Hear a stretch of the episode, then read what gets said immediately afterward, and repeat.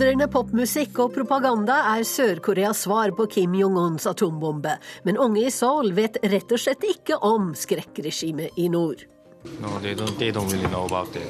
They just don't really care about it. Barack Obama forbereder sin aller siste State of the Union-tale. Klarer han å finne på noe som blir husket så godt som dette? States like these and their terrorist allies constitute an axis of evil. I Ukraina er det et forsiktig fredshåp ved inngangen til det nye året, og Norges Nato-ambassadør mener at skrekkbildet av Russland må tones ned.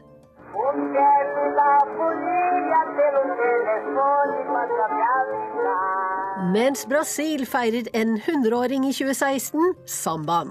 Og muslimske helter og fattige fiskere er det vår Afrika-korrespondent skriver om i korrespondentbrevet. Vel møtt til Urix på lørdag, jeg heter Wenche Eriksen. Situasjonen på den koreanske halvøya er mer spent enn på lenge etter Nord-Koreas atomprøvesprengning denne uken. Sør-Korea svarte i går med å skru på sine propagandahøyttalere igjen, og nå venter verden på neste trekk. Og mens en nordkoreansk avhopper håper at propagandaen virker, så bryr mange sørkoreanere seg lite om konflikten. De har nok med seg selv.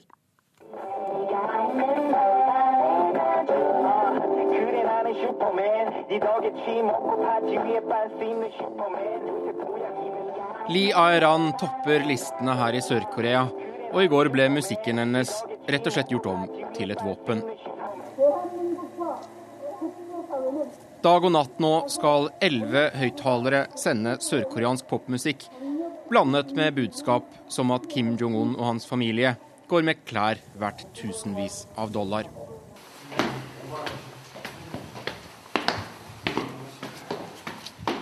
Ned en trapp og inn en dør treffer vi Kang Mi-jin i et kjellerlokale her i Seoul. Det har gått fem år nå siden hun flyktet over grensen, i en lang flukt gjennom både Kina og Vietnam, før hun endte her i sør.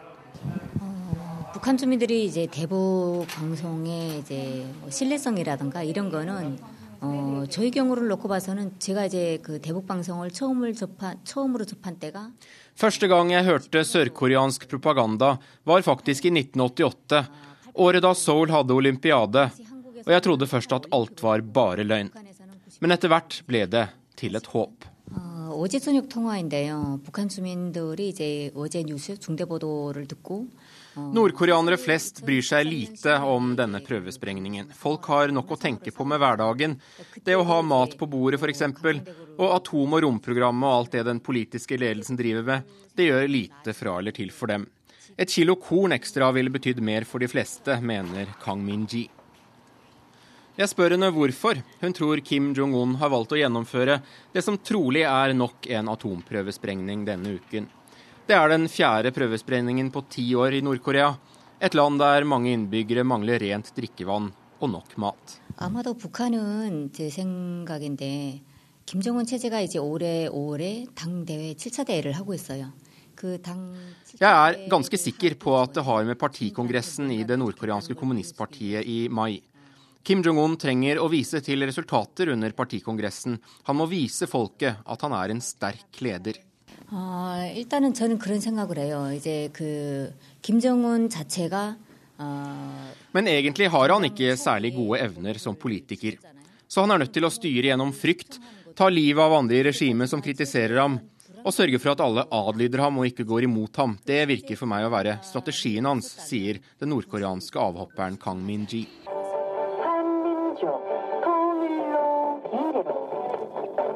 Det er bare en time å kjøre her fra neonlysene i Seoul til den demilitariserte sonen, hvor vi journalister denne uken ble nektet adgang. Likevel trekker de fleste unge sørkoreanere jeg snakker med her på skuldrene, mens de hutrer seg gjennom minusgradene i sine store boblejakker ned neonbelyste gater. Nord- og Sør-Korea er teknisk sett fortsatt i krig, etter at våpenhvilen ble underskrevet for 63 år siden. No, they don't. They don't really know about it. They just don't really care about it because because they believe that we're not going to reunite in our life. Unge folk vet ikke noe særlig om Nord-Korea, og de bryr seg heller ikke. Folk tror ikke lenger på noen koreansk gjenforening i vår levetid, og vi er rett og slett ikke særlig interessert i Nord-Korea lenger, forteller 25 år gamle Kenny Jim meg over en bolle bibimbap på en restaurant her i byen. Han visste inntil nylig veldig lite om levekårene til vanlige nordkoreanere, og han ante ikke hvor vanskelig det er å flykte fra regimet i nord. Yeah, I'm really surprised. I was shocked because I didn't even know about Da jeg hørte om det, ble jeg veldig overrasket. Sjokkert, vil jeg nesten si. Jeg visste jo ingenting om livene til vanlige nordkoreanere. Jeg visste ikke at de ikke kan rømme ut. Alt dette var veldig overraskende. Han er langt fra alene om å tenke slik. Mange her i sør lever i sin egen boble, i gjenskinnet fra mobiltelefonskjermen. Og så er det jo noe med den sterke ordbruken som gjør folk litt numne. Ingen holder lenger telling på hvor mange ganger regimet i nord har truet med å gjøre denne byen om til en brennende haug av aske.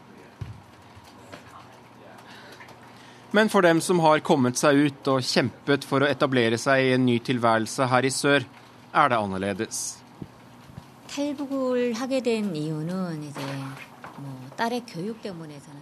Den viktigste grunnen til at jeg hoppet av fra Nord-Korea, var datteren min, sier Kang Mi-jin. Jeg slet med å få endene til å møtes, både hun og jeg måtte jobbe, så det ble lite med skolegang mens jenta var tolv år gammel. Så en dag ble jeg presset for penger av en politimann fordi jeg ikke hadde riktige papirer, og han truet meg med arbeidsleir. Så slik lever man nå, side om side, i hver sin virkelighet i denne millionbyen. Seks mil unna oss er propagandasendingene i gang igjen, og for et halvt år siden svarte Nord-Korea ved å skyte på høyttalerne med artillerigranater. De fleste regner med at det kommer et militært svar denne gangen også, men de som selv aldri har måttet flykte noe sted, de har viktigere ting å tenke på. Og det rapporterte korrespondent Peter Svaar fra Sogn. Mr. Speaker, the President of the United States. Mr. Speaker, Mr. President, members of the 103rd Congress, distinguished guests, and fellow Americans. Ja, natt til onsdag norsk tid skjer det igjen noe av det mest tradisjonsbundne i amerikansk politikk. USAs president kommer til Kongressen for å holde sin årlige tale om rikets tilstand, The State of the Union. For Barack Obamas vedkommende blir det altså siste gang, og det skal vi komme tilbake til, men først til førstelektor i retorikk på Markedshøgskolen og leder av Washington-seminaret Kjell Terje Ringdal. Han sier at talene kan sammenlignes med en dans. Vi kan gjerne betrakte dette som en slags eh, politisk polonese, som har som sine faste former. Uh, og at vi også som en sammenligning kan si at dette ligner på trontalen uh, i Norge, hvor uh, man altså har en avlevering av sine politiske ideer og drømmer og visjoner. Og at det presidenten gjør, er at han oppfyller kravet, altså det konstitusjonelle kravet om å redegjøre for rikets tilstand til Kongressen. Eh, man er eh, formelt sett eh, fritt til å velge om man avleverer denne skriftlig eller muntlig. Men den har altså etter hvert blitt en mer og mer muntlig og ikke minst mer og mer massemedial sak, hvor presidenten bruker denne anledningen til å få mye oppmerksomhet om sine egne tanker og ideer. Og mye applaus. Opp og ned, folk opp og Masse ned applaus. hele tiden. De, eh, man måler jo antall applauser og lengden på dem osv. Og, eh, og ikke minst så, så er man jo også opptatt av hvor lenge de forskjellige presidentene har eh, snakket. Og der er det jo sånn, som vi alle kan gjette, at den som gjennom alle tider har holdt, holdt de lengste State of the Unions, er Bill Clinton. Ja. Han holdt på i 1,28 eh, i snitt, eh, mens eh, han som har altså holdt i korteste State of the Union, er Richard Nixon, som altså lå ned på mm, bare ca. 35 minutter i snitt. Ja, Ganske stor spredning. Stor spredning. Obama ligger sånn omtrent midt imellom. Han snakker i snitt så langt 1,04. Så vet vi det. Én time, drøy time. Dette er eneste gang i året hvor alle tre eh, grenene av det amerikanske apparatet, maktapparatet, er til stede i samme sal. Mm. Altså du har Høyesterett, du har eh, Representantenes hus og Senatet, du har presidenten, du har eh, de militære toppene. Viktige personer. Og så oppe på balkongen sitter førstedamen, og så er det såkalte vanlige amerikanere som sitter rundt henne veldig ofte. Hva, hva er, det er det seg om? Eh, dette var altså den massemediale Ronald Reagan som fant ut at for å sprite opp disse State of the Union-talene, så burde vi invitere noen amerikanske helter. Noen vi har lyst til å hylle, noen som har gjort noe stort, noen som har betydd noe, og som har ofret seg selv for den amerikanske ideen. Eh, så siden eh, Reagans tid så har man altså invitert ulike, det kan være forskere, oppfinnere, krigshelter, mennesker som har gjort noe usedvanlig for å hjelpe sine eh, medamerikanere. Så de blir da invitert, og de sitter da tett rundt uh, The First Lady. Og så får de da sin velfortjente hyllest og applaus mot slutten av talen. Mm. Har talene og tradisjoner forandret seg over tid?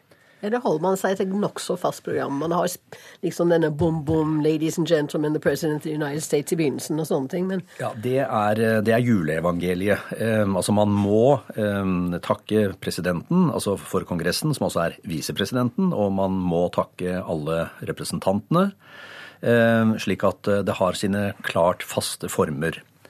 Nå er det også slik at uh, mange av disse talene har jo blitt beskyldt for å være relativt uinteressante og ikke så politisk eh, spennende.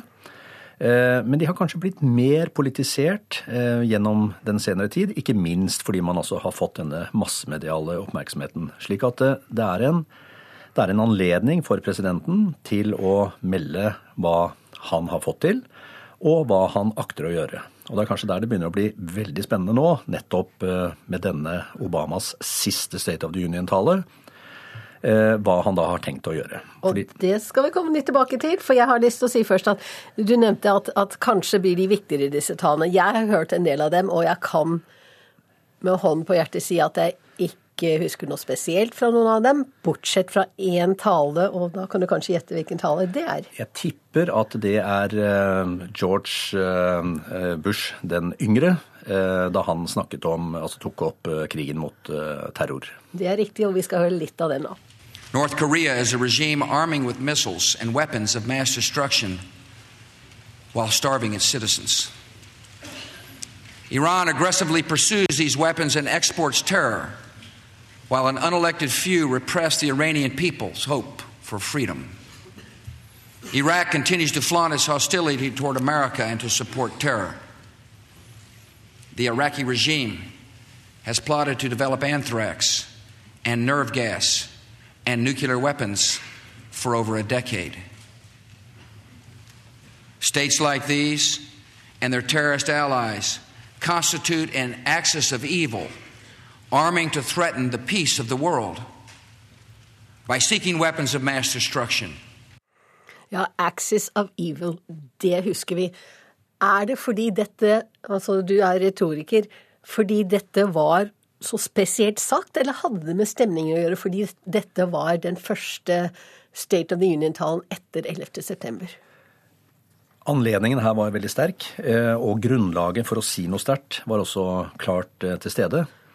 Eh, vi i, i det årlige Washington-seminaret som, som, vi arrangerer, så har vi møtt David Frum, som altså var den som skrev nettopp denne talen. Og han har da fortalt til, til oss at Oppdraget fra presidenten var at jeg vil lage en tale som peker på det gode og det onde, og at det finnes krefter som vi, eh, vi må gå sammen om å kjempe imot. Og jeg vil gjerne ha eh, noe religiøst i denne talen.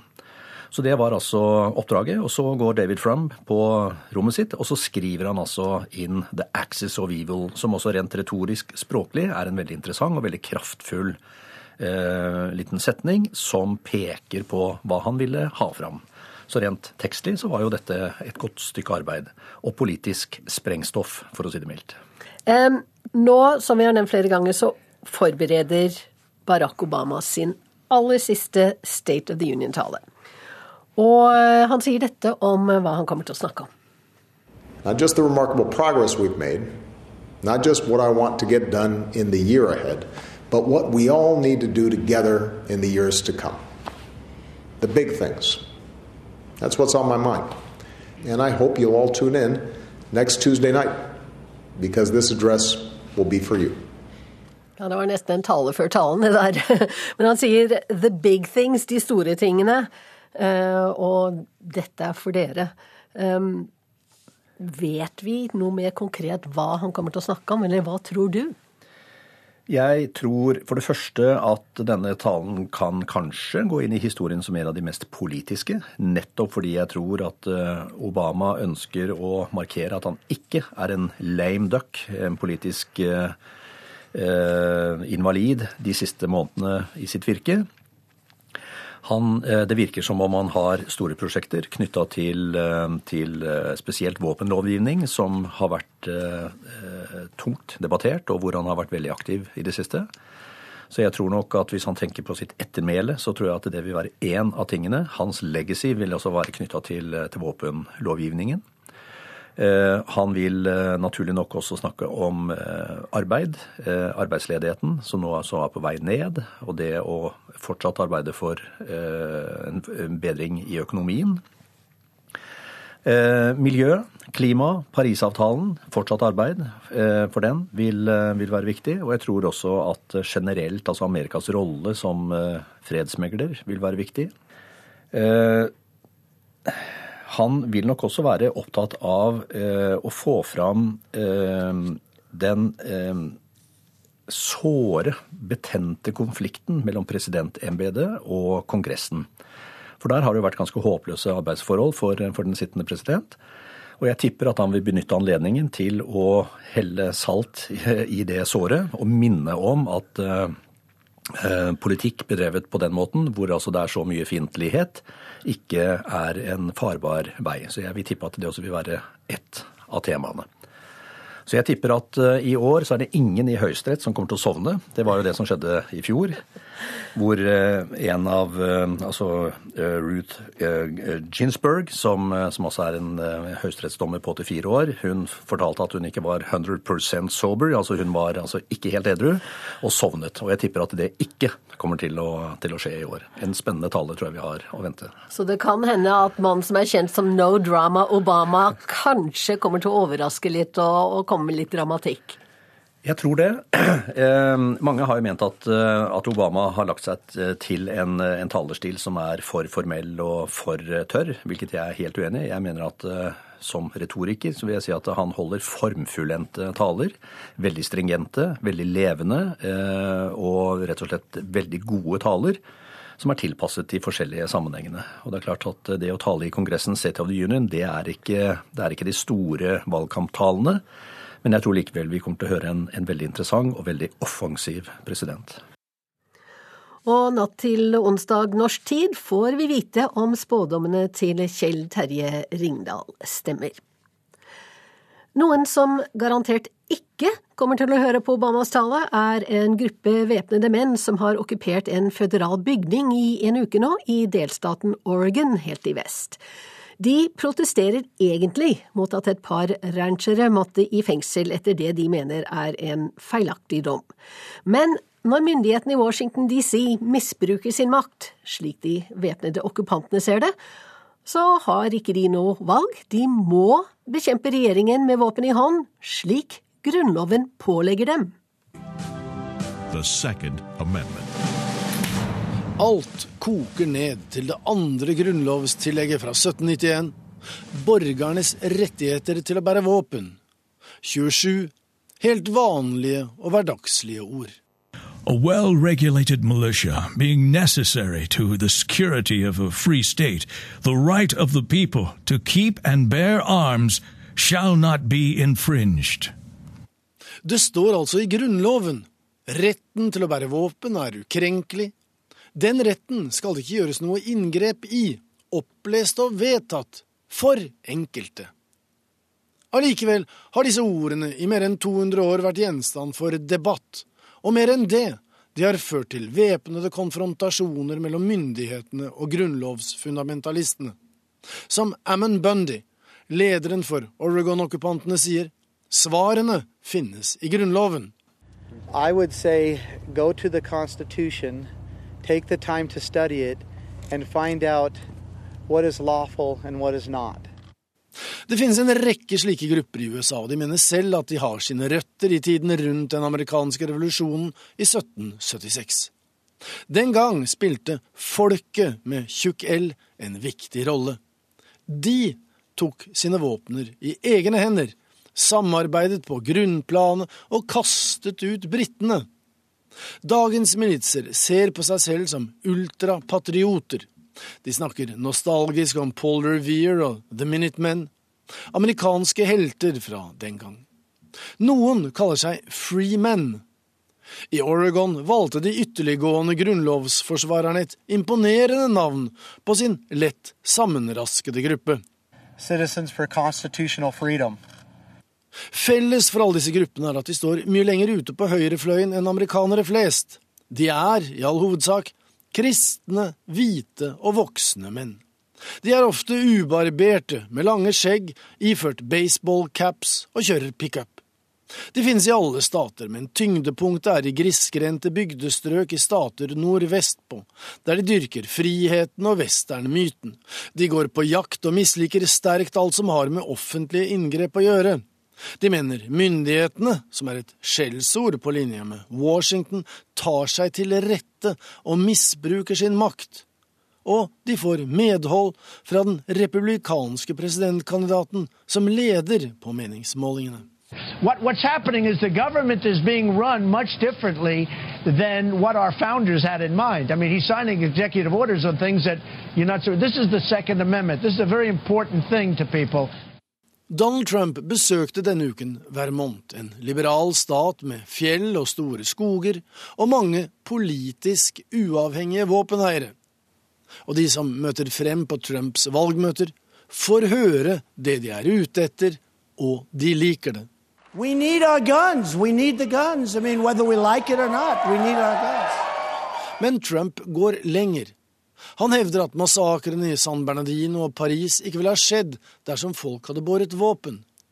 Derfor vil han på dag én, når han blir valgt som president, avskaffe våpenfrie soner.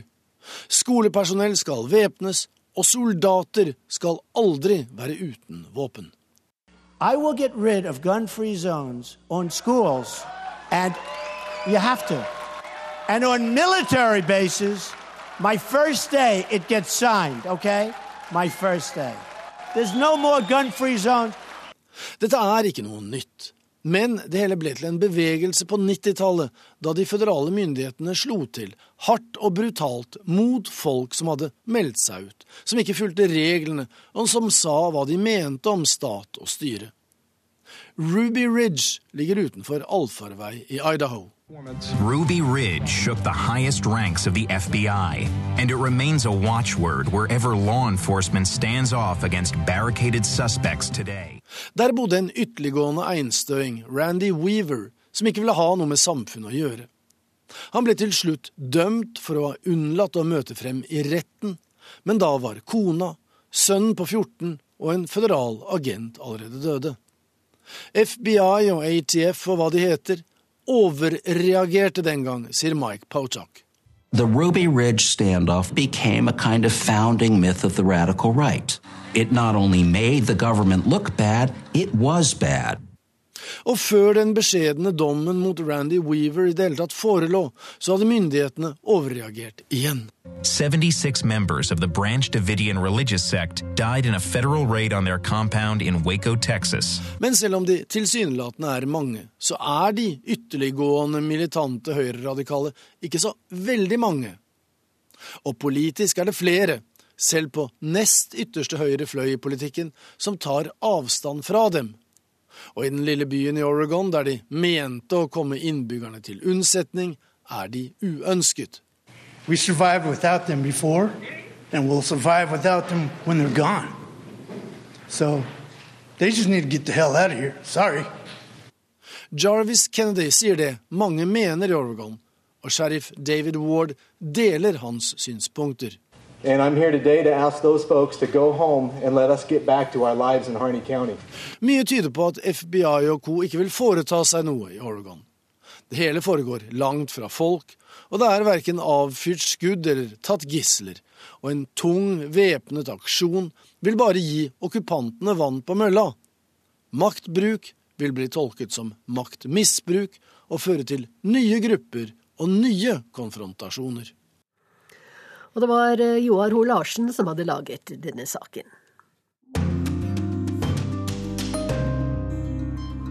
Du hører på Urix på lørdag i NRK P2. Klokka er 11.28. Bør vi frykte Russland i 2016? Hvilken hundreårsfeiring er det i Brasil i år?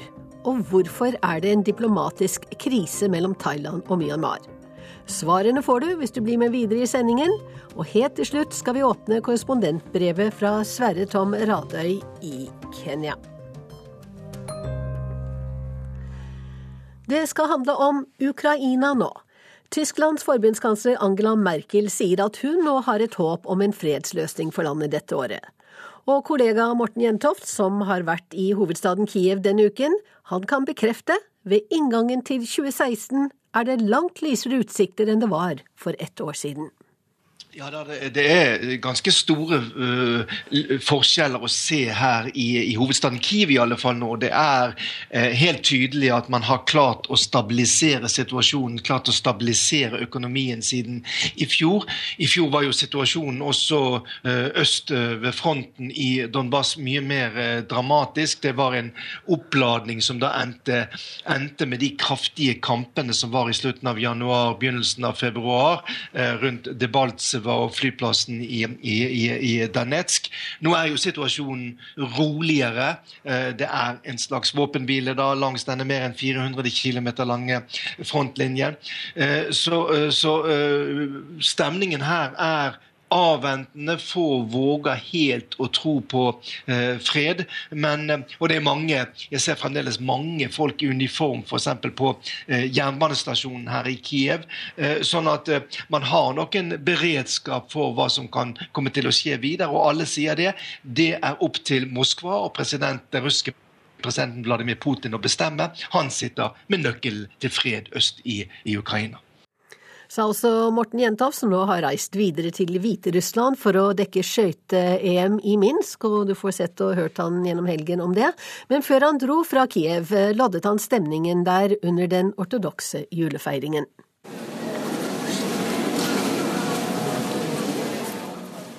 Det er vakkert i Volodymyr-katedralen i Kiev når nå ortodokse her i den ukrainske hovedstaden feirer jul. Denne kirken har kanskje det vakreste interiøret av alle de mange flotte kirkene i Kiev.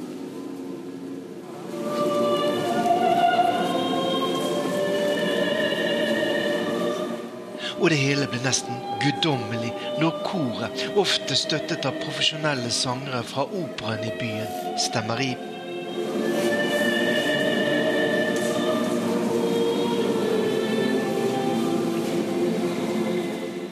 Volodymyr-katedralen er moderkirken, katedralen til den ukrainsk-ortodokse kirke. En av to selvstendige ortodokse kirker i landet, i motsetning til den ukrainsk-ortodokse kirken, som ligger under patriarken i Moskva. Så selv om det er fredelig og stemningsfullt her nå under den ortodokse julehøytiden, så ligger motsetningene i det ukrainske samfunnet aldri langt under overflaten. Og på plassen foran Volodymyr-katedralen ser jeg flere grupper av menn i uniformer. Ukraina er fremdeles et land i væpnet konflikt, selv om det har hersket en slags våpenhvile ved fronten i Donbass øst i landet siden 1.9. i fjor.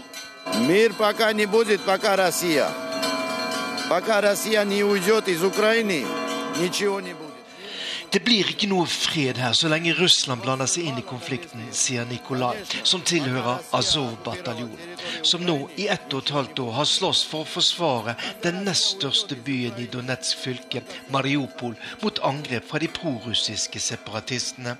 Azov har måttet tåle kritikk for å bruke nazilignende symboler, men har også fått anerkjennelse for å ta kampen opp i en tid der hele den ukrainske staten sto i fare for å gå i oppløsning.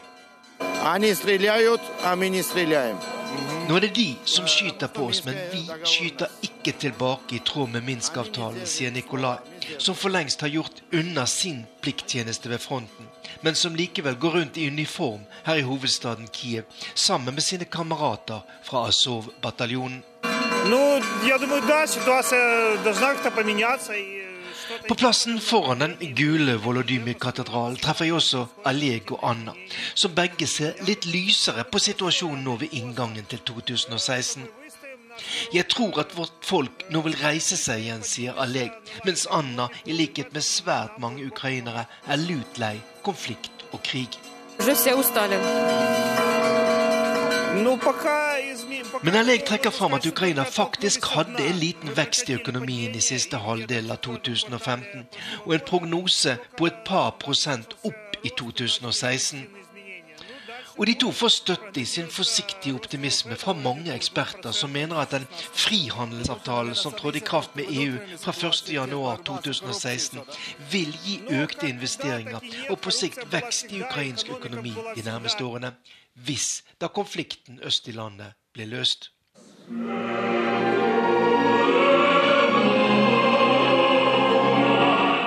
I Kievs flotte operahus var det også god stemning da det ble invitert til jule- og nyttårsgallakonsert torsdag denne uken, med bl.a. ukrainske melankolske ballader på programmet. Men det er mange snubletråder som ligger for ukrainerne i 2016. De fleste av ukrainerne håper likevel at det verste nå er over, og at det skal være mulig å se en lysning i tunnelen etter to år med konflikt og krig.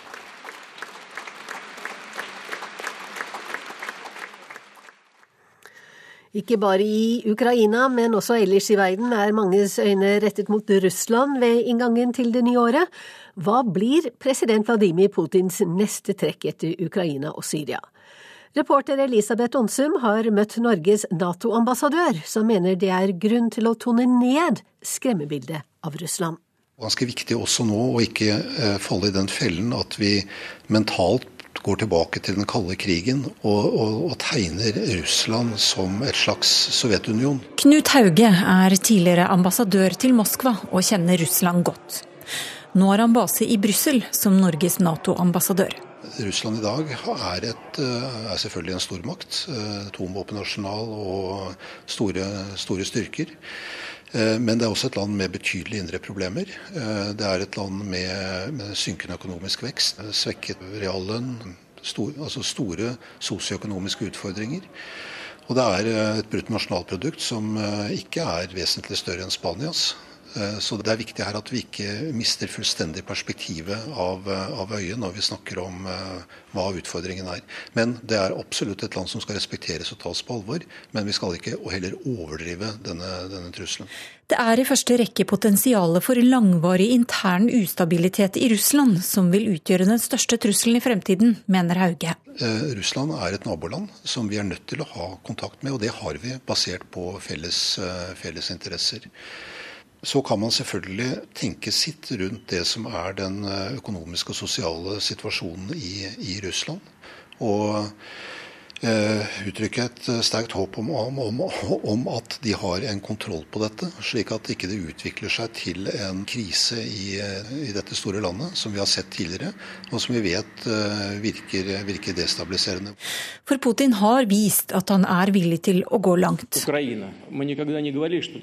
Før jul innrømmet Putin for aller første gang russisk militær tilstedeværelse i Ukraina.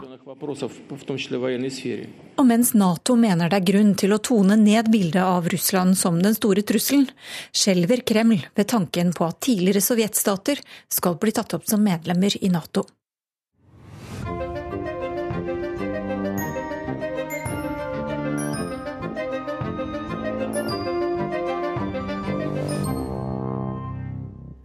Vi skal feire en jubilant her i Urix på lørdag.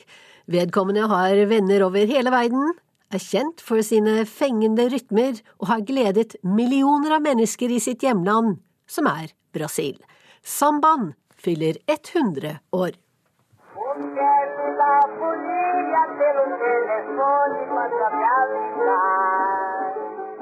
Lyden er litt sprukken, teksten er banal, og det er ikke helt det vi forbinder med Brasils nasjonalrytme. Men det er den første offisielle samba.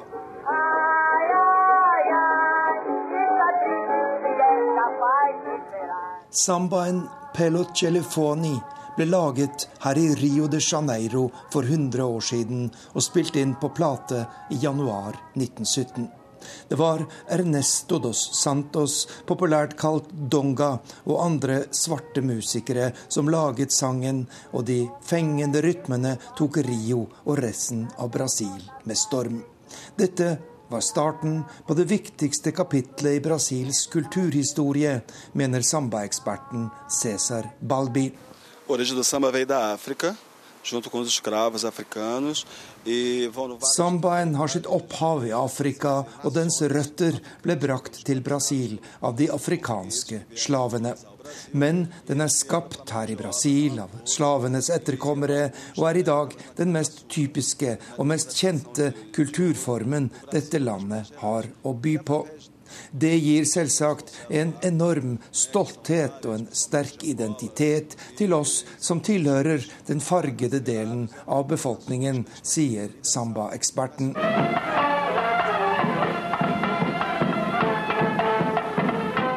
Den første samba ble skapt på Praza Once, også kalt Lille Afrika, i sentrum av Rio. En karismatisk kvinne fra Nord-Brasil kalt tante Siata inviterte svarte musikere til sitt hjem og skapte et miljø der sambamusikken ble født. I dag huser dette området Rios sambastadion, Sambodromen, der de berømte sambaparadene holdes under det årlige karnevalet. Para bailar la bamba,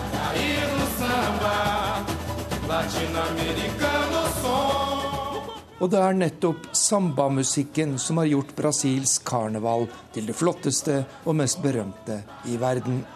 Landets karnevalstradisjoner går helt tilbake til 1700-tallet, da den hvite befolkningen feiret i gatene og danset vals og polka etter europeisk mønster.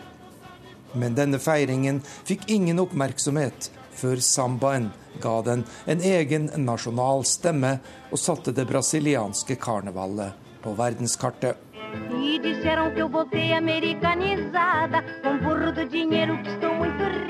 Sambaens internasjonale gjennombrudd kom med denne kvinnen.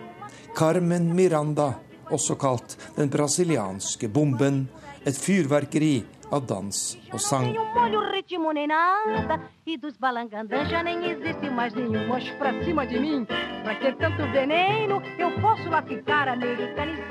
Carmen Miranda tok USA med storm. Hun ble Brasils første verdensstjerne og en av Hollywoods største suksesser på 1940-tallet. É o mistério profundo, é o queira ou não queira, é o en annen stjerne på sambaens himmel er den store sangeren Elis Regina. Brasilianerne savner henne fortsatt dypt etter at hun døde, bare 36 år gammel, av en overdose heroin på 1980-tallet.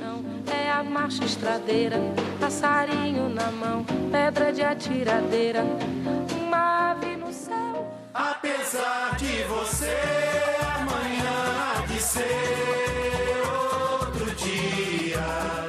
og samba er i høyeste grad politikk, med sin kritikk av Brasils militærregime fra 1964 til 1985 ble Chico Buarque en legende her i Brasil.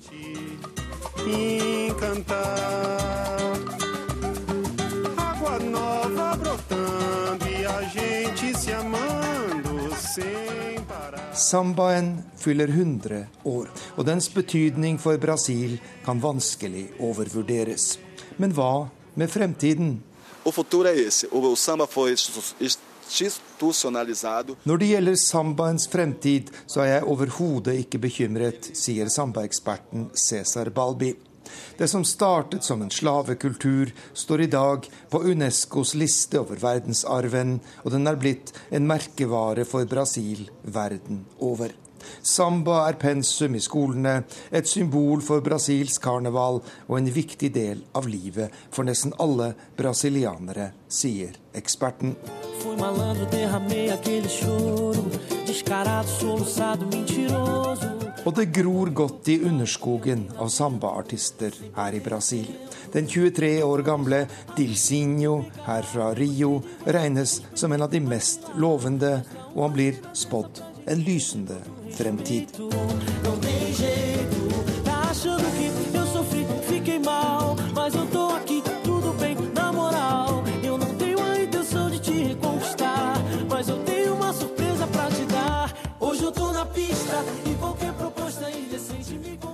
Denne samba-reportasjen fra Rio de Janeiro kom fra Arnt Stefansen. I Thailand er to gjestearbeidere fra Myanmar dømt til døden for drapet på to britiske turister. Det har ført til voldsomme protester i landet som før het Burma, og nå brygger det opp til en liten diplomatisk krise mellom de sørasiatiske naboene. Også hackergruppen Anonymous har engasjert seg i saken på sin egen spesielle måte.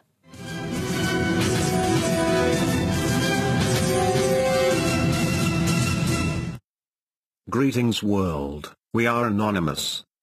It has come to our attention that a Thai court in Thailand has recently sentenced two Burmese migrants to be executed Sittende bak en pult og med sin velkjente Guy Fawkes-maske og datagenererte stemme annonserte hackergruppen Anonymous at de nå har tatt kontroll over nettsidene til de 15 største politistasjonene i Thailand, og oppfordret samtidig turister om å boikotte ferielandet. Anonymous has learned that the Thai police have accused innocent people before, and would rather blame foreigners or migrants for such crimes so as to protect their tourism industry than accuse their own Thai locals, that may deter tourists from choosing Thailand as their holiday destination. På julaften kom to gjestearbeidere fra Myanmar til en domstol i Thailand. Noen timer senere var de dømt til døden for drapet på to turister i 2014. 23 år gamle Hannah Whitterich og ett år eldre David Miller blir lagt inn i to likposer av thailandsk politi på en strand på ferieøya Koh Tao 15.9.2014. Ifølge politiet ble Whitterich voldtatt før hun ble slått i hjel, mens Miller skal ha blitt slått i hodet med ett slag og ble liggende i vannkanten der han druknet.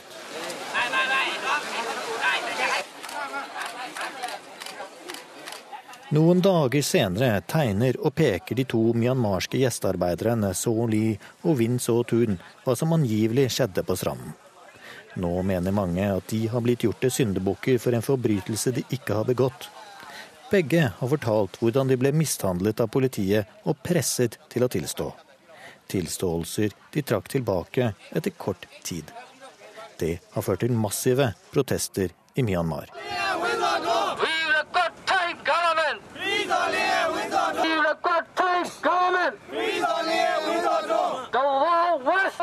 Flere hundre demonstranter krever rettferdighet for de to dødsdomte, og roper slagord mot myndighetene i nabolandet Thailand. Og dommen har også ført til en liten diplomatisk krise mellom de to landene.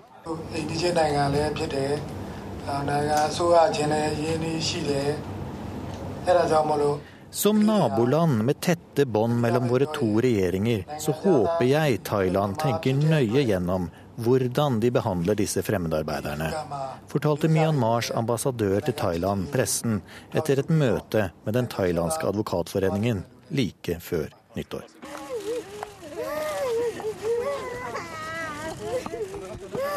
Og med de gråtende familiene til de to dødsdømte annonserte advokaten at de vil anke saken til topps i det thailandske rettssystemet.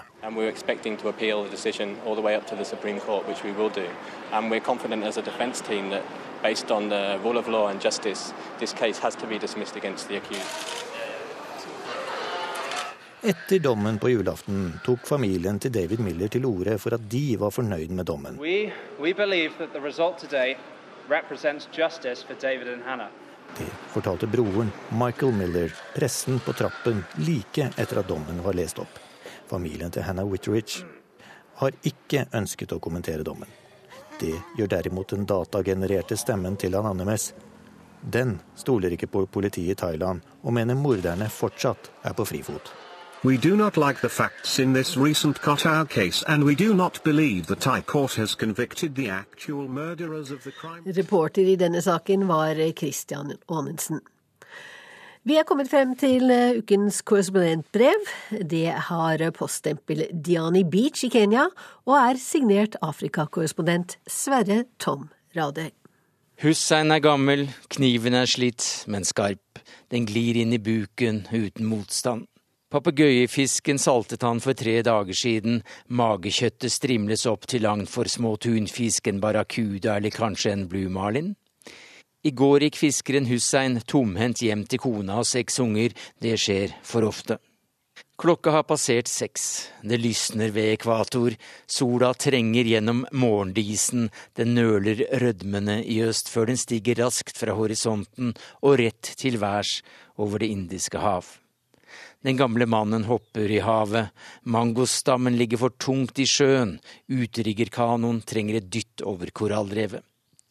Vi tar den på land i morgen, etter tre dager i sola er den tørr og lett, sier han og tørker svetten med neven. Fingrene har minner fra skarpe fisketenner og kroker på avveie. Han tar tak i kokosrepet fra det nederste hjørnet av seilet og hiver seende krok og agn ut i det grønne havet. Hjelpegutten Omar gir meg et snøre med en gummiblekksprut rundt en voksen krok. Nå skal storfisken tas. Hussein styrer rett til havs med tærne på roret. Trestammen vi står i, hulte han selv ut med øks i fjor, det tok ham tre måneder. Riggen er av bambus, latinerseilet fikk han sydd i Mombasa. Den holder i ti år til, inshallah, hvis Gud vil, sier Hussein, troende muslim, fri for bakrusen mange sliter med denne morgenen, året er bare seks timer gammelt. Da står det nok dårligere til med musikerne som troppet opp foran Strandhuset i går kveld, fire unge trommeslagere og en eldre scenete sanger. Bandet skulle ha 170 kroner for en times konsert, pluss et tiliters spann med palmevin. De var lette å be, men måtte overtales til å gå. Bra musikere, dårlige muslimer, sa Hussein. Men folk må velge sitt eget liv, sier han. De fleste her drikker litt, noen ikke i det hele tatt, det går bra, vi lever i fred.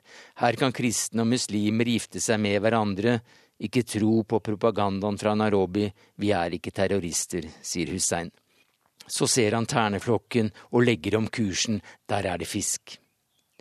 Tragediene som militante, voldelige ekstremister påfører vanlige folk, er nesten daglig lesning. Al Shabaab vil presse myndighetene til å trekke soldater ut av Somalia. I hjemlandet dreper Al Shabaab muslimer, i Kenya går de etter kristne. Slik vil terroristene spre frykt for muslimer blant Kenyas store kristne majoritet. Da vil også uskyldige muslimer forfølges, og misnøyen blant muslimske ungdommer vil øke. Økt misnøye gir økt sympati for voldelige løsninger. Slik er det iallfall tenkt. De fleste muslimene bor her på kysten og langs grensen mot Somalia, helt opp til halvørkenen mot Etiopia. Der oppe står det dårlig nok til fra før. Området er et av de stedene i verden der faren for å dø i barsel er størst, og der herjer Al Shabaab. For et drøyt år siden stanset de en buss full av lærere som skulle hjem til jul. 28 unge passasjerer som ikke kunne sitere Koranen, kom aldri hjem. Nå er det læremangel i hele regionen, en seier for Al Shabaab. Men det var nettopp der at modige muslimer kom med det som ble kalt den store julegaven. Det skjedde for to uker siden, da terroristene stanset nok en buss. 60 skrekkslagne passasjerer visste hva som ventet. Forklaringene spriker, men noe slikt skal ha skjedd. Da alle ble beordret ut av bussen, ropte den 19 år gamle studenten Abdirashid Adan til terroristene. Min bror, vi er alle muslimer. Mens han gjentok og gjentok ordene, tok muslimske kvinner av seg sine hodeplagg, og i ly av mørket kledde de på sine kvinnelige kristne medpassasjerer hijaber og hårtørklær. Studenten ble skutt fire ganger, men overlevde. Muslimske menn ga religiøse gjenstander til kristne menn, så ingen kunne se forskjell. Al Shabaab ba muslimen Salah Farah om å flytte seg, så de lettere kunne skille ut i vantro, men han nektet. De skjøt ham to ganger i ryggen. Han overlevde. Mine sår er svar til de som tør påstå at islam er en krigersk religion. Religion er å ta vare på hverandre. Det var det jeg gjorde, sa Farah til avisen The Standard. Terroristene forsvant. Muslimske helter hadde reddet nesten en hel busslast. Kun to døde. Terroristene har ikke noe med islam å gjøre. De er gale forbrytere. Her har de ingen støtte, sier Hussein og peker mot den hvite palmekysten, der 90% er muslimer. Så seiler vi midt gjennom terneflokken, og det napper. Visst napper det. Noe tungt og sprelsk vil av kroken med gummiblekkspruten, og jeg drar til det jeg kan. Beistet slipper unna, snøret blir lett og fingeren vond. 040-scenen var på vei inn til fingerleddet. Hussein lykkes bare sånn passe i å skjule skuffelsen. Får han en liten tunfisk eller kingfish på noen kilo over ripa, da kan han regne med en hundrelapp eller kanskje to fra oppkjøperen, nok til å holde liv i familien i tre-fire nye dager. 50 øre kiloen trekkes fra. Det går rett inn til et felles fond for landsbyen, en fattig fisker får erstattet kanoen som sommerstormen tok, noen barn får muligheten til å fortsette på skolen. Det er bare utdannelse som kan få oss ut av fattigdommen, sier Hussein. Selv pugger han atlas og leser alt han kommer over av historiebøker. Han vet godt at Norge deler grense med Russland i nord, og spør om forholdet til naboen i øst, nå som Putin liker å vise muskler. Hussein drømte om å bli lærer, men familien trengte penger. Her må vi klare oss selv, regjeringen i Nairobi tenker bare på egne stammemedlemmer, de bryr seg ikke om oss ved kysten, sier Hussein. Kritikken er vel kjent. Regjeringen blir beskyldt for å konsentrere investeringene til vei, helse og utdanning til det sentrale høylandet, der de fleste av kukoyoene bor, folk fra landets ledende stamme. Muslimer føler seg lite prioritert. Presidenten har fått mye kritikk for at han ikke dro til den muslimske byen Garissa etter at 147 studenter ble drept av Al Shabaab i fjor. Så skjærer haifinnen overflaten rett ved båten. Jeg trekker hånda raskt til meg, og Hussein ler med kritthvite tenner, ingen fare. Det hvite der ytterst på finnen avslører en fredelig reeved shark, en hvitflekket revhai. Men tre timer har gått, og ingen fisk. De burde hatt stenger og sneller. Dorging med to-tre håndsnører med hver sin krok er dårlig garanti for at barnerike familier skal få sitt daglige brød. Eller vali, ris kokt i kokosmelk, en favoritt her langs Swahili-kysten mellom Somalia og Mosambik. Slik fisket far og fars far, hvis sønnene mine blir fiskere, vil de drive på samme måten, sier Hussein. Han ser to problemer for kommende fiskere. Det er mangel på mangotrær og mangel på fisk. For 10-20 år siden var havet fullt av fisk, sier han, og menn i store trålere soper opp det de kan før fisken kommer innenfor kanoens rekkevidde. Et norsk selskap skal være involvert. Regjeringen gjør ingenting, vi må løsrive oss, sier Hussein. Han vil ha selvstendighet for hele området som en gang var et sultanat. Mange vil det. Spenningen øker mellom Nairobi og kysten. Folk fra høylandet kjøper opp attraktive tomter som ikke er til salgs, for familiene har aldri hatt skjøter og tinglyste dokumenter.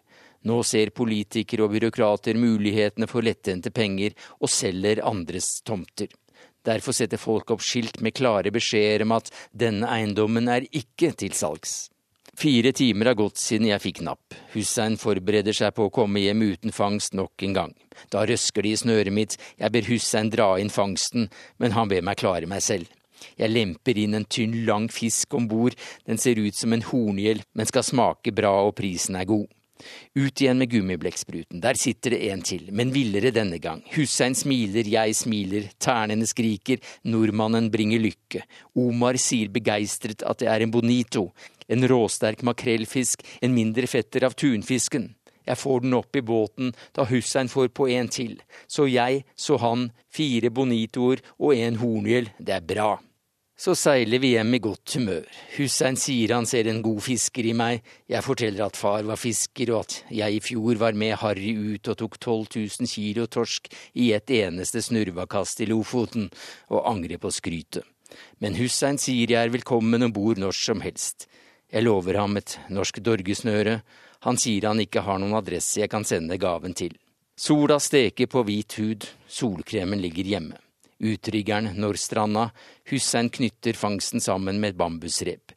Jeg kjøper hele bunten for overpris og flyr hjem til Narobi samme dag. På ettermiddagen ringer Hussein. Det var dette med at jeg var journalist og at han hadde kritisert regjeringen. Han hadde snakket djervt om at kysten burde få selvstendighet. Det var ikke bra. Om jeg kunne la være å fortelle navnet hans eller offentliggjøre bildene jeg tok av ham. Så Hussein heter ikke Hussein, og stranda var ikke Diani Beach.